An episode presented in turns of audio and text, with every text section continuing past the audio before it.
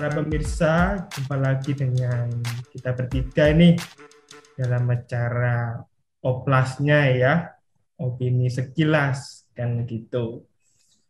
Jadi kita untuk topik kita pada sore hari ini kita akan membahas ya mengenai salah satu berita yang sempat viral yaitu terkait dengan adanya cuitan ya. Dari seseorang yang kemudian itu menjadi hukum menimbulkan akibat hukum seperti itu ya. Itu. Dan kalau dari saya pribadi sih ya memang yang namanya cuitan itu masuk ke arah hate speech begitu loh.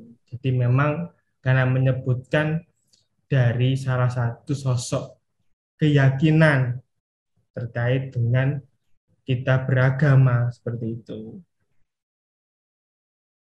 Dari yang lain? Silakan, Surya.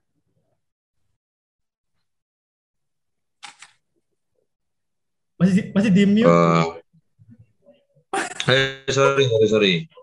Kalau dari aku apa ya?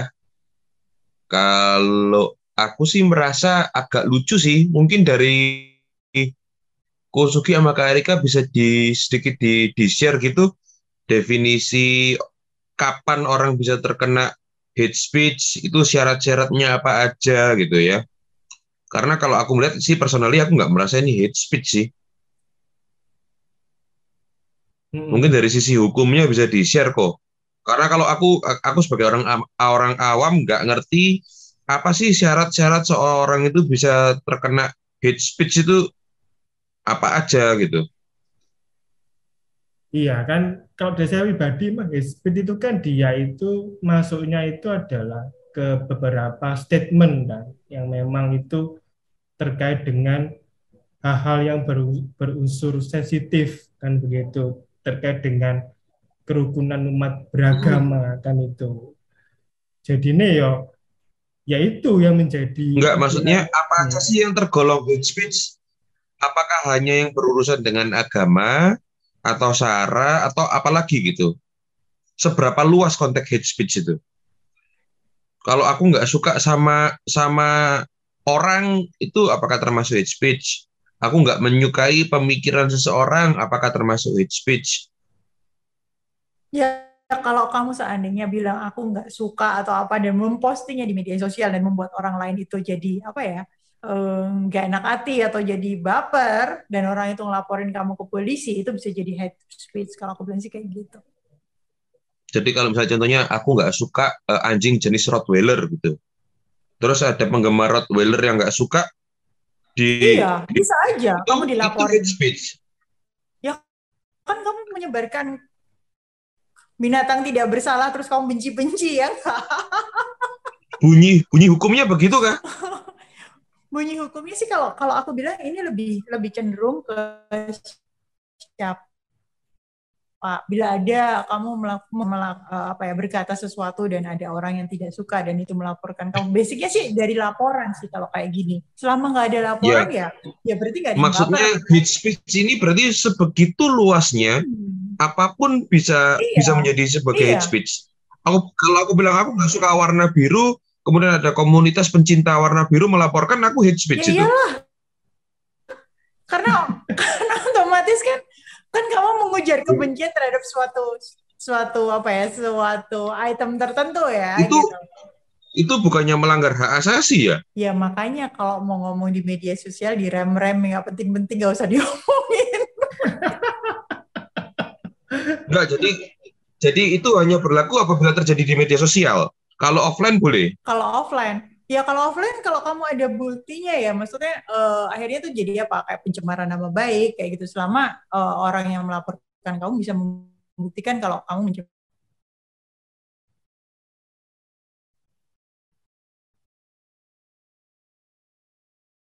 apa ya menjelek-jelekan oh ini ini boleh. Tapi uh, dilihat per case dan dan kadang-kadang di satu case ini kadang-kadang case-nya sama. sebentar, sebentar sebentar. Sebentar sebentar hukum itu kan pasti ya. Hmm. hukum itu kan nggak boleh bilang melihat case. Jadi kan hukum itu mempunyai sebuah batasan-batasan. Nggak. Betul nggak? Ini hukum kita Dari nggak pasti. case-nya, Kamu nggak bisa membuat eh, apa ya? No, no, no, no, no, no, no. Bukan No, no, no, no. No, no, no. Dalam artian kita- yang buat Oke, hukum bukan ma- Hmm. bukan eksak matematika di mana dua tambah dua. Tapi pagarnya pasti kan. Ada itu pagar kan? dari dari eh, orang-orang yang menginterpretasikan eh, suatu case ya. Jadi kamu kamu taruh gini, kita waktu waktu kuliah nih baca undang-undang atau ada undang-undang baru, mungkin Kosugi bisa bisa ikut ikut ngobrol. Mm-mm. Itu itu kita bisa antara aku sama Kosugi mungkin interpretasinya bisa beda-beda ya. Kok maksudnya aku nganggapnya mungkin oh ini boleh, terus Kosugi bilang oh nggak bisa Erika ini nggak boleh gitu loh. Itu karena eh, dalam suatu undang-undang itu itu penjelasannya itu bisa bisa macam berlayer-layer kayak gitu. Dan ini tergantung dari eh, personalnya masing-masing. Maksudnya orang yang yang ada di case itu cara cara untuk mengimplementasikannya pun beda-beda gitu loh tiap orang. Enggak, oke, oke, aku clear sampai situ. Tapi kan akan menjadi suatu hal yang sangat lucu kalau menyatakan aku nggak suka warna merah, lebih baik warna biru. Kemudian ada ada ada ada perkumpulan pecinta warna merah melaporkan aku ujaran kebencian terhadap warna merah. Itu kan konyol banget kalau hukum kita sampai se- sebegitu recehnya. Ya kan sekarang emang kayak gitu yang dicari juga juga bukan cuma itu sih. Kalau aku bilang mungkin mungkin kalau kamu bilang ini ini konyol ya, tapi eh, hari gini tuh apa yang bisa diviralkan, apa pun itu small thing seperti apa pun, kalau itu bisa viral dan mengundang banyak opini orang itu ya pasti ada ada eh, orang-orang tertentu yang Boleh. Maksudku media boleh menggoreng seperti itu. Memviralkan boleh. Tapi kan aparat penegak hukum kita nggak boleh sereceh itu dong. Betul. Iya, itu Saya kan lagi. sepakat. Cuman begini loh, itu kan kembali Iya kan? lagi ya. Mau media goreng setuju. Mau orang-orang rame setuju. Tapi kan kalau aparat penegak hukum kita juga menganggap itu sebagai bahan untuk memviralkan kan lucu. Iya, cuma itu kan kembali kan dari suatu dong. case itu eh, dilihatnya kan banyak. Ya kok gimana kok? kembali lagi pada konteksnya kan. Kalau kalau saya pribadi ya, itu kembali lagi pada konteksnya. Itu ketika yang disampaikan itu sebetulnya itu kan memang dia itu pendapat. Jadi dia membuat suatu cuitan kan begitu. Tapi kemudian kan dia juga tidak anu kan, tidak mengira kalau itu kemudian bagi mereka yang melihat itu, wah ini kan anu ya hal-hal yang memang bisa menimbulkan masalah kan begitu. Jadi di sini itu ada beberapa faktor sih kalau saya bilang karena pertama begini loh, itu kan pertama itu ditunjang dari respon respon dari masing-masing orang yang memang itu melihat dari si orang-orang ini yang memang itu mempostingnya. Ya meskipun begini loh, itu secara hukum memang dapat dikatakan itu dia keliru. Kenapa? Karena satu jelas, dia memang masuknya itu ke arah keyakinan. Ini bukan masalah bukan masalah itu ya, bukan masalah yang berhubungan dengan hal yang kok kayaknya ini simpel sih ya bukan. Mungkin kalau istilahnya yang melihat itu pertama tidak merasa ini bukan berhubungan dengan hate speech, dia juga tidak bakal melapor gitu loh. Jadi di sini itu pertama itu alangkah baiknya kan pilihan topiknya itu tidak masuk ke arah yang berhubungan dengan keyakinan agama. Jadi dasarnya itu tadi. Jadi bukan Jadi yang kalau agama nggak boleh.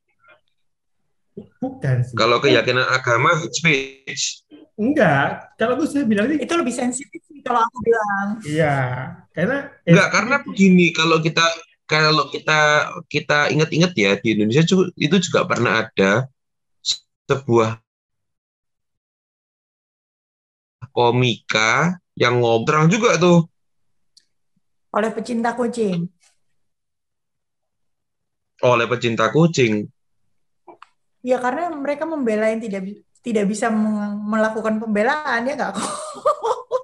beda. Begini, Kamu merendahkan kucing dong. Enggak.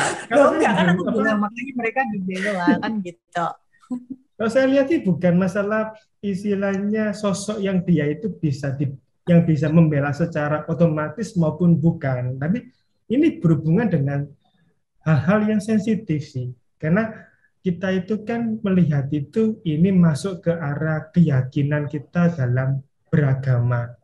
Jadi tentunya di sini orang-orang yang memang menjunjung tinggi terkait dengan kebinekaan kita itu sangat-sangat merasa ini hal yang memang itu mengganggu dari apa yang dikatakan itu dalam tweetan tersebut. Sehingga, Tapi ini spesifik loh, Bu. Iya, betul. Tapi gini loh. Ini ini spesifik karena kalau saya saya baca dari berita ya, hmm. ini dia mengatakan bahwa in uh, sebentar, uh, sebentar, sebentar. Karena ini spesifik gitu. Jadi yang merasa mer yang melaporkan itu adalah Ormas Brigade Muslim Indonesia Sulawesi Selatan, ya kan? Hmm. Laporan polisi atas Ferdinand Hutabayan dibuat oleh Zulkifli di Polda Sulsel atas tuduhan ujaran kebencian. Dia menegaskan cuitan Ferdinand mencederai umat Islam. Begini, itu kebetulan. Loh, Ferdinand bukan Muslim, tak? Kenapa? Ferdinand ini bukan Muslim, tak?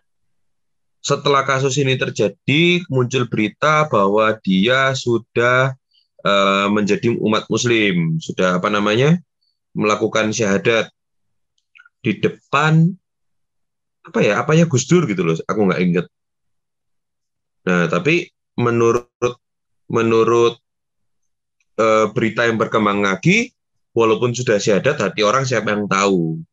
Nah, ya kan? Ini ini ini karena aku aku aku membaca berita ini peristiwa ini peristiwa lucu, ini bukan peristiwa uh, ujaran hate speech menjadi sebuah peristiwa politis dong. Kalau dia memang seorang Islam yang mempercayai hal itu dan melaku, mengatakan itu, tetapi dilaporkan karena mencederai umat Islam kan nggak nggak sinkron gitu ya. Tapi ya mungkin saya kurang cerdas ya membaca ini. Cuman kok saya baca bolak-balik masih nggak ngerti-ngerti gitu loh seorang Islam mengatakan demikian dilaporkan juga oleh orang Islam gitu.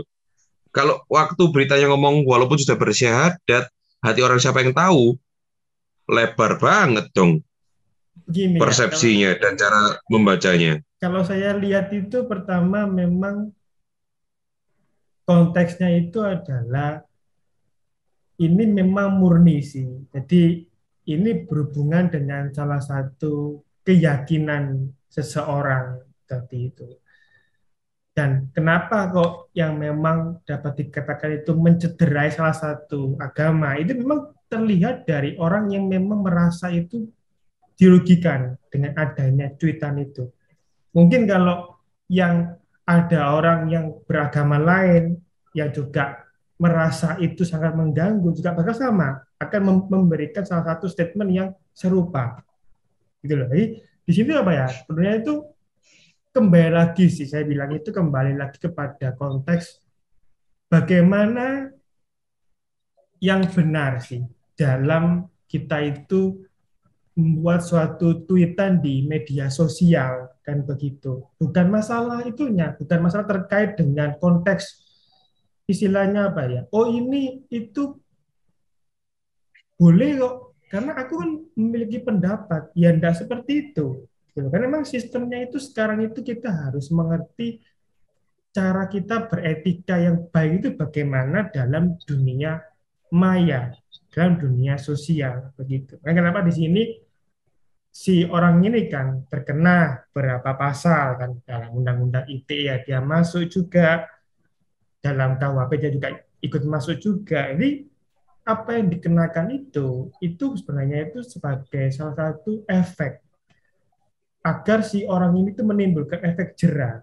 Begitu. Bukan masalah itunya bukan masalah kemudian itu uh, menjadi larangan. Kalau kita itu apa ya tidak boleh menyampaikan pendapat itu boleh.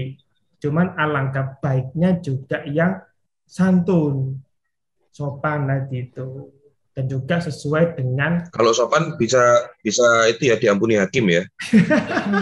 Cobaan. jadi apa ya itu sebenarnya salah satu kalau kita bilang sih tolak ukur ya karena kenapa itu kita perlu ditertibkan dalam dunia sosial dalam dunia maya karena memang begini loh itu kembali lagi kepada kita punya culture ya mungkin kalau Surya sama Erika juga sempat lihat misalkan itu di luar negeri itu kenapa kok diperbolehkan terkait dengan menyampaikan pendapat. Walaupun itu juga secara statement hate speech. Tapi kenapa itu kemudian tidak menjadi persoalan hukum? Karena berbeda culture-nya tadi. Karena pertama kan kalau kita lihat itu negara kita itu kan sangat menjunjung tinggi ya. Tadi itu terkait dengan keragaman terkait dengan kerukunan tadi. Ya beda. Mungkin kalau dia postingnya di istilahnya luar negeri mungkin juga kalau dia postingnya pun juga uh, tidak menyinggung namanya suatu yang berhubungan dengan keyakinan agama kita. Tidak bakal menjadi persoalan. Ya kan dia postingan Jadi yang terkena hate speech itu sara, suku, ras, dan agama. Tiga itu ya. ya. Jadi Kalau warna sama hewan enggak? begini ya, kalau ini kan berhubungan dengan isu sara terkait dengan hewan itu kalau saya pribadi melihat itu begini, itu bukan tidak menjadi persoalan bukan, tapi pertama begini terkait dengan unsur kepantasannya. Nah, kenapa Hmm. dalam istilahnya kalau kita lihat itu kan ada undang-undang tentang larangan kita diskriminasi dari sisi baik itu ras maupun golongan. Tadi ya kan ada namanya undang-undang tentang istilahnya mengatur secara khusus mengenai hal-hal yang memang kita dilarang untuk praktek diskriminasi tadi. Nah di sini itu yang kemudian menjadi tolak ukur sih bahwasanya negara kita itu ternyata itu juga sangat sensitif ya terhadap hal-hal yang berbau seperti itu.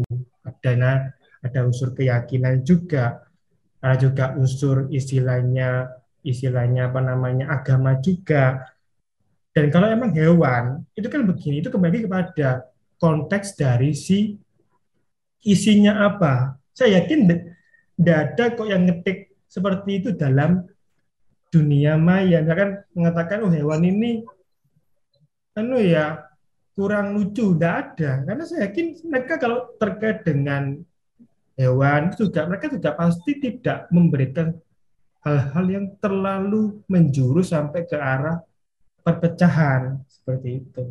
Contoh, misalkan Surya punya uh, guguk, kemudian saya lihat Surya posting gitu di akunnya. Kalau saya melihat, ah hewannya Surya biasa-biasa aja tuh, nggak mungkin saya ketik kan? Ah kurang kurang oke okay atau kurang kurang lucu, nggak mungkin. Tapi cuma simpen dalam hati. Tapi kalau mungkin kalau terkait dengan mungkin Surya bikin postingan terkait dengan agama atau apa. Nah kalau yang lihat tuh begini, waduh, kok begini, lain. Jadi itu ada beberapa implikasinya sih yang berbeda dari masing-masing orang begitu. Tuh. Masa iya ada yang posting ke hewan jenis ini kok jelek banget ya? Ada, ada. Karena saya juga pelaku pengguna media sosial, saya juga tidak ada yang sampai seperti itu, gitu. Gitu loh. Kecuali kecuali apa ya? Emang istilahnya pemerhati dari uh, fauna mungkin lain lagi. Tapi kalau saya tidak. Bahkan dalam majalah-majalah pun juga yang berhubungan dengan trubus itu pun juga tidak ada Surya yang memang memberikan statement banyak banget ku di YouTube kalau ku kulihat ya video kucing Hah? gitu ya dia bilang uh, video kucing atau video anjing dia bilang aku nggak suka ah anjing herder. Anjingnya begini begini begini. Aku lebih suka piara kucing. Itu banyak banget kok yang kayak begitu. Kalau aku rasa itu sebuah pendapat ya. Nah kalau sebuah pendapat itu bisa dengan mudahnya di flip kecuali memang di dalam hukum ITE kita ngomong oke okay, kalau kamu hate speech itu terbatas oleh suku ras dan agama Hmm. Ya oke, okay. kalau kamu ngomong hal itu dijadikan hate speech boleh. Tapi bunyinya emang gitu ya? Kalau begini ya, kalau saya pribadi ada ada sarannya nggak? Enggak, bukan masalah itu kan begini. Ini berhubungan dengan istilahnya kalau terkait dengan yang di YouTube yang terkait dengan misalkan hewan-hewan tersebut itu kan pertama dia tidak menyinggung salah satu keyakinan punya pendapat yang mengatakan misalkan hewan ini itu kurang begini. Tapi kan tidak kemudian mengatakan masuknya ke arah-arah yang sensitif. Jadi hanya muatannya aja sih. Begitu. Kenapa kalau istilahnya yang terkait dengan hewan, dia sudah bilang loh, itu kan juga ada unsur istilahnya apa menjelekan dan begitu. Tapi kenapa kalau itu kemudian tidak anu ya ada orang yang melaporkan. Kan begitu terkait dengan hate speech kan itu. Padahal kan kalau kita lihat itu kan kembali lagi kepada konteksnya. Apakah di sini itu statement yang disampaikan itu itu menyinggung nggak terkait dengan keyakinan dari agama tersebut? Dan juga juga terkait dengan istilahnya saran enggak jadi itu kalau UUT ini sih hmm? emang emang ada untuk unsur saranya sih sur. Kalau kamu nanya di UIT ada nggak yeah. yang cantumkan atau mana itu ada di pasal 28 ayat 2 itu sebentar aku harus baca karena tidak hafal setiap orang dengan sengaja dan tanpa hak menyebabkan menyebarkan informasi yang ditujukan untuk menimbulkan rasa kebencian atau permusuhan individu individu dan atau kelompok masyarakat tertentu berdasarkan atas suku, agama, ras, dan antar golongan. Itu ada sih. Kalau kalau itu itu spesifik emang ada kayak gitu kalau di UTE. Uh, Definisi golongan itu apa? Golongan itu ya mungkin apa pun itu, mungkin apa? Uh, kamu golongan pencinta kucing? Ya, itu golongan. Dianggap sudah golongan gitu loh. Berarti hukum kita mengizinkan untuk melaporkan bahwa bila ada seorang mengungkapkan anjing itu nggak bagus, lebih bagus kucing. Jadi ada orang yang merasa dia adalah golongan pencinta anjing, merasa tersakiti, menciderai kepercayaannya bahwa anjing itu adalah sesuatu yang lucu, terus melaporkan, sakit hati dilaporkan. Itu diperbolehkan ya. oleh hukum gitu. Iya, karena Luar karena itu kan, itu kan menimbulkan menimbulkan keresahan masyarakat. Enggak, aku menjadi enggak. resah. Kalau aku menjadi resah sekarang. aku menjadi takut sekali ngomong di mana. Gimana? Kalau saya pribadi sih, anu ya, saya lebih mengarah kepada pertama itu terkait dengan keyakinannya tadi itu. Jadi hmm. keyakinan agamanya itu, gitu loh. Jadi apa ya? Itu sih memang kamu harus mengerti batasannya gitu. Jadi bos sampai itu kemudian menjadi masalah karena begini. Yang menjadi persoalan adalah ketika penyampaian ya, penyampaian mengenai adanya perkataan tadi. Jadi kalau lebih bagus kucing dibanding guguk. Nah, itu kan kemudian menjadi statement pendapat mereka. Jadi kalau misalkan mengatakan uh, istilahnya si hewan ini itu anu ya yang begini bukan begini, ini memang tidak masuk ke arah sara dan juga tidak masuk ke arah diskriminasi begitu. Ini yang jadi beda. Kecuali dia menyinggung begini, uh, hewan peliharaan si A, si A ini ya itu begini-begini ya ini lain.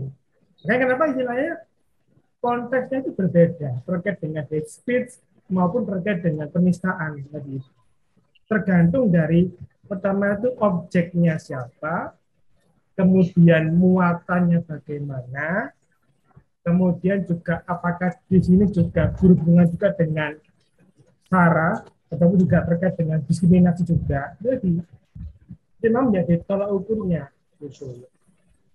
Beda kan misalkan kalau sekarang Karena kan ini menjadi menjadi rame ada yang membandingkan bahwa cuitan si Ferdinand dengan Gus Dur itu kan sebenarnya tergantung cara penafsiran aja. Gus Dur kan juga bilang bahwa bahwa Tuhan tidak perlu dibela. begini ya. Kalau saya pribadi bukan masalah istilahnya perlu dan tidak perlunya. Bukan. Karena begini kesalahan dari si orang ini adalah dia membuat statement tersebut dalam media sosial Oke, kata berarti kalau offline nggak apa-apa. apa Kalau ucapan itu diucapkan oleh sebuah pemuka agama di dalam tempat ibadahnya tersendiri, dan kalau ada orang yang melapor, maka laporan itu akan batal. ya enggak juga Ya enggak juga Nah. gitu. Berarti salahnya bukan karena di media sosial dong. loh Salahnya yang ngelaporin baper kan? eh, begini ya karena kan isunya yang paling banyak itu adalah di media sosial. Kenapa? Karena itu dia bisa dibuktikan. Kalau misalkan kita lagi ibadah apakah sekarang begini? Lagi ibadah kan orang yang kepingin merekam itu pasti juga akan apa ya tidak akan berbeda dengan kita posting di media sosial.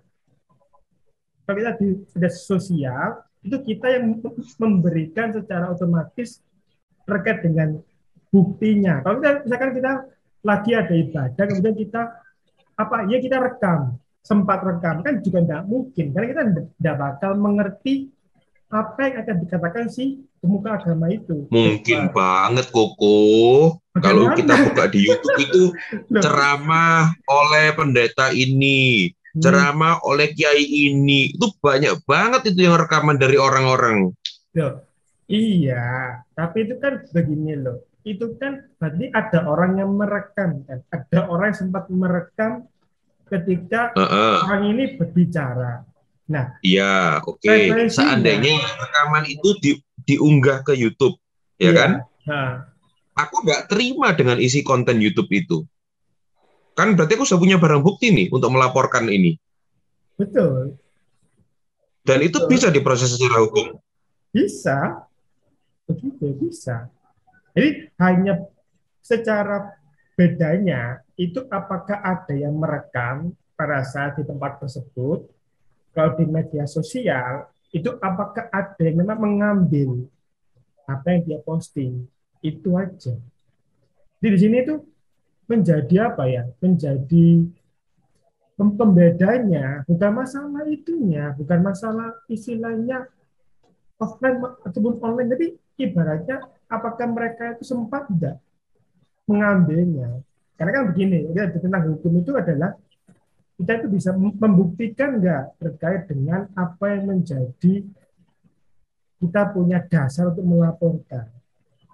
Dan kenapa dalam hukum itu yang diutamakan adalah buktinya seperti itu. Makanya kenapa dia rekam, dia ambil apa postingannya si orang ini itu sih ya. Ini bukan karena apa ya? Bukan karena memang faktornya ya di bukti itu aja. Kan memang mengarah dia itu bisa diproses secara hukum. Andai kata kalau Surya menyampaikan terkait dengan hal seperti itu, kalau tidak ada yang merekamnya dan nggak ada yang mengambil buktinya, ya sebenarnya juga tidak bisa diperkarakan, begitu. Itu aja. Ya kan Erika itu bikin cuitan. Kalau Erika kemudian secara refleks dia kemudian menghapus, ya udah, akan ada masalah kan begitu. Itu aja. Itu aja. Loh. Ya poinnya sih siapa aja yang baca cuitanmu atau postinganmu nggak baper ya kamu aman. Tapi kalau yang baca tempatmu itu pada baper-baper ya udah hati-hati kan gitu. Hmm. Pembaca itu boleh baper. APH nggak boleh baper. Yang aku, yang sebenarnya aku cukup menyayangkan kenapa kasus ini dia sampai dijadikan sebuah tersangka. Iya, karena satu buktinya udah lengkap kalau saya pribadi. Jadi, jadi penetapan tersangka udah jelas secara hukum memang dia ada bukti yang cukup tuh untuk memang menekan dia sebagai tersangka kan begitu. Dan ini pun juga bukan apa ya, bukan orang yang pertama terkena ini. Ada beberapa baik itu pemuka agama juga maupun beberapa artis juga yang sempat tersandung masalah ini. Gitu. Jadi ini bukan hal yang baru, bukan, tapi udah yang lama.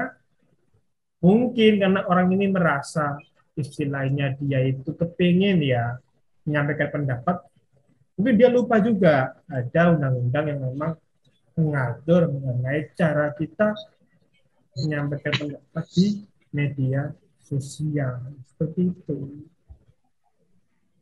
Masa Erika sekarang Erika bikin ketikan terus apa namanya ada orang yang merasa oh ini sih bukan hate speech ya Erika juga nggak pernah dipersoalkan tapi karena berhubungnya kan Surya baca itu wah ini kan hate speech waduh wis tak perkarakan ya bisa. Tergantung dari paradigma orang-orang yang melihatnya dari cara dia berpikirnya bagaimana itu yang dilihat seperti itu. Yang kenapa? Susah sekali memiliki pendapat ya kalau begitu ya hari ini.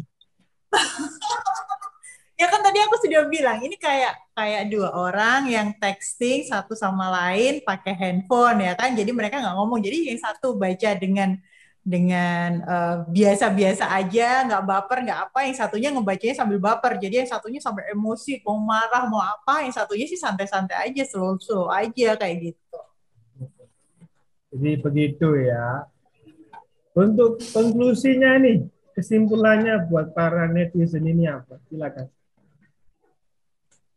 Kalau dari aku sih kalau nggak penting dan nggak perlu-perlu amat, nggak usah posting-posting daripada nanti akhirnya balik uh, ke kita diri kita sendiri sih. Kalau aku bilang ya udah dikip buat kita sendiri atau buat teman-teman close friend kita. Maksudnya kalau emang mau mau Jangan nanti ada yang ngerekam rahasia.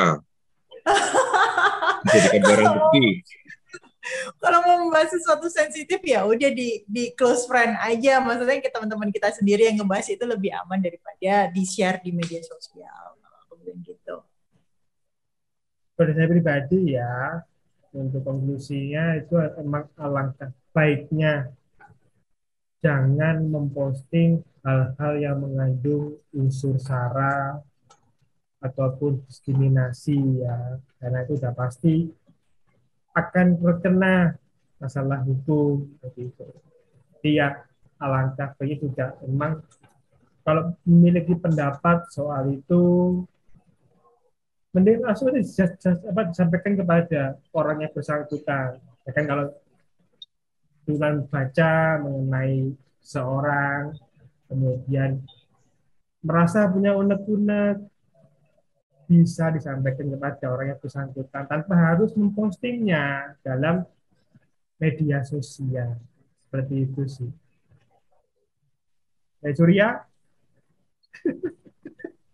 hmm, kalau kalau aku pastikan apabila kamu memiliki sebuah opini dan kamu menyampaikan opini itu kepada siapa pun, pastikan handphone mereka mati supaya tidak merekam rahasia tidak menjadi barang bukti karena opini apa pun di negara kita diizinkan oleh hukumnya untuk menjadikan kamu tersangka.